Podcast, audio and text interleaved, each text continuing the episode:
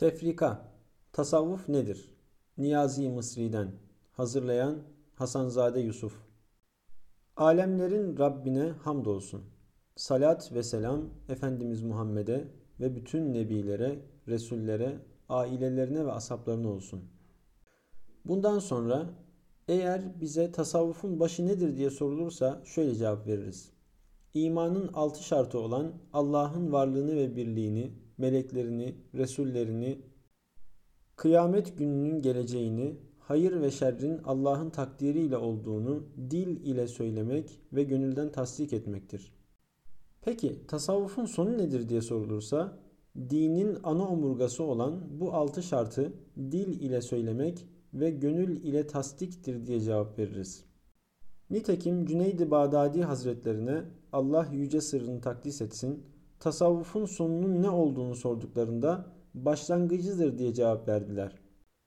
Öyle ise sıradan insanlarla sofiler arasındaki fark nedir diye sual edilirse şöyle mukabele edilir.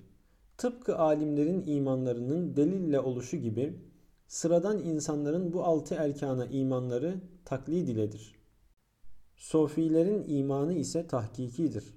Taklid ile iman insanın babasından, mahalle imamından veya bir alimden bu altı şartı öğrenip inanması fakat bu erkanın neden dinin özü olduğunu bilmemesi ve niçin ebedi azaptan kurtuluş vesilesi olduğunu anlamamasıdır. Bunu şu misallerle anlamak mümkündür. Bir insan düşünün ki sokak arasında gezerken dünyayı bir uçtan bir uca zapt etmiş ve her istediğine erişmiş olan sultanların bile sahip olamadığı bir mücevher bulur. Güneşin parlaklığı bile o mücevherin yanında gündüz vaktinde gökyüzünde sadece resmi görünen ay gibidir.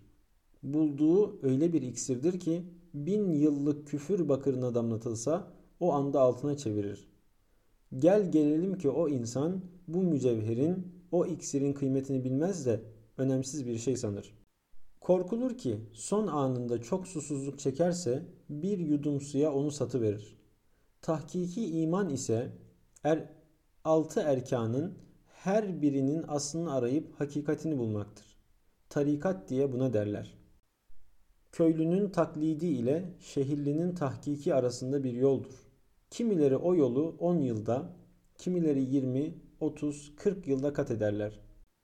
Niceleri ise o yoldan çıkıp bir vadide kalır da kimi kolun sorumluluğunu inkar eden cebri, kimi ilahi takdiri reddeden kaderi, kimi aklı hakikatin tek ölçüsü sayan mutezili, kimi reenkarnasyoncu olur. Hasılı 73 güruh bu yola girmiştir de biri hariç hepsi yoldan çıkıp hiçbiri tahkik şehrine erişememiştir. 73. güruha kurtulan fırka anlamına gelen fırkayı naciye denir.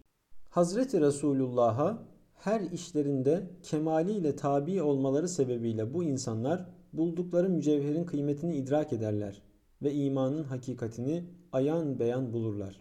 Onlar adeta karanlık bir yolda ellerinde mum ile giderken güneş doğmuş ve imanın hakikatte ne olduğu açığa çıkmıştır. Taklit yolunda iken tahkike ermişlerdir. İmanları tahkike erince daha önceki imanlarına dönüp ulaştıkları hakikatleri tatbik edince arada hiçbir ihtilaf olmadığını görmüşlerdir. Hakikatin şeriate, şeriatin hakikate uyumunu idrak ederler. Aralarındaki uygunluk hali can ile beden arasındaki ahengin aynını ifade eder. Nitekim Efendimiz Hazretlerinin saadetle buyurdukları üzere bir azası eksik olanın hissiz tam olamayacağından şeriatinde eksikliği olanın hakikati de eksik olur.''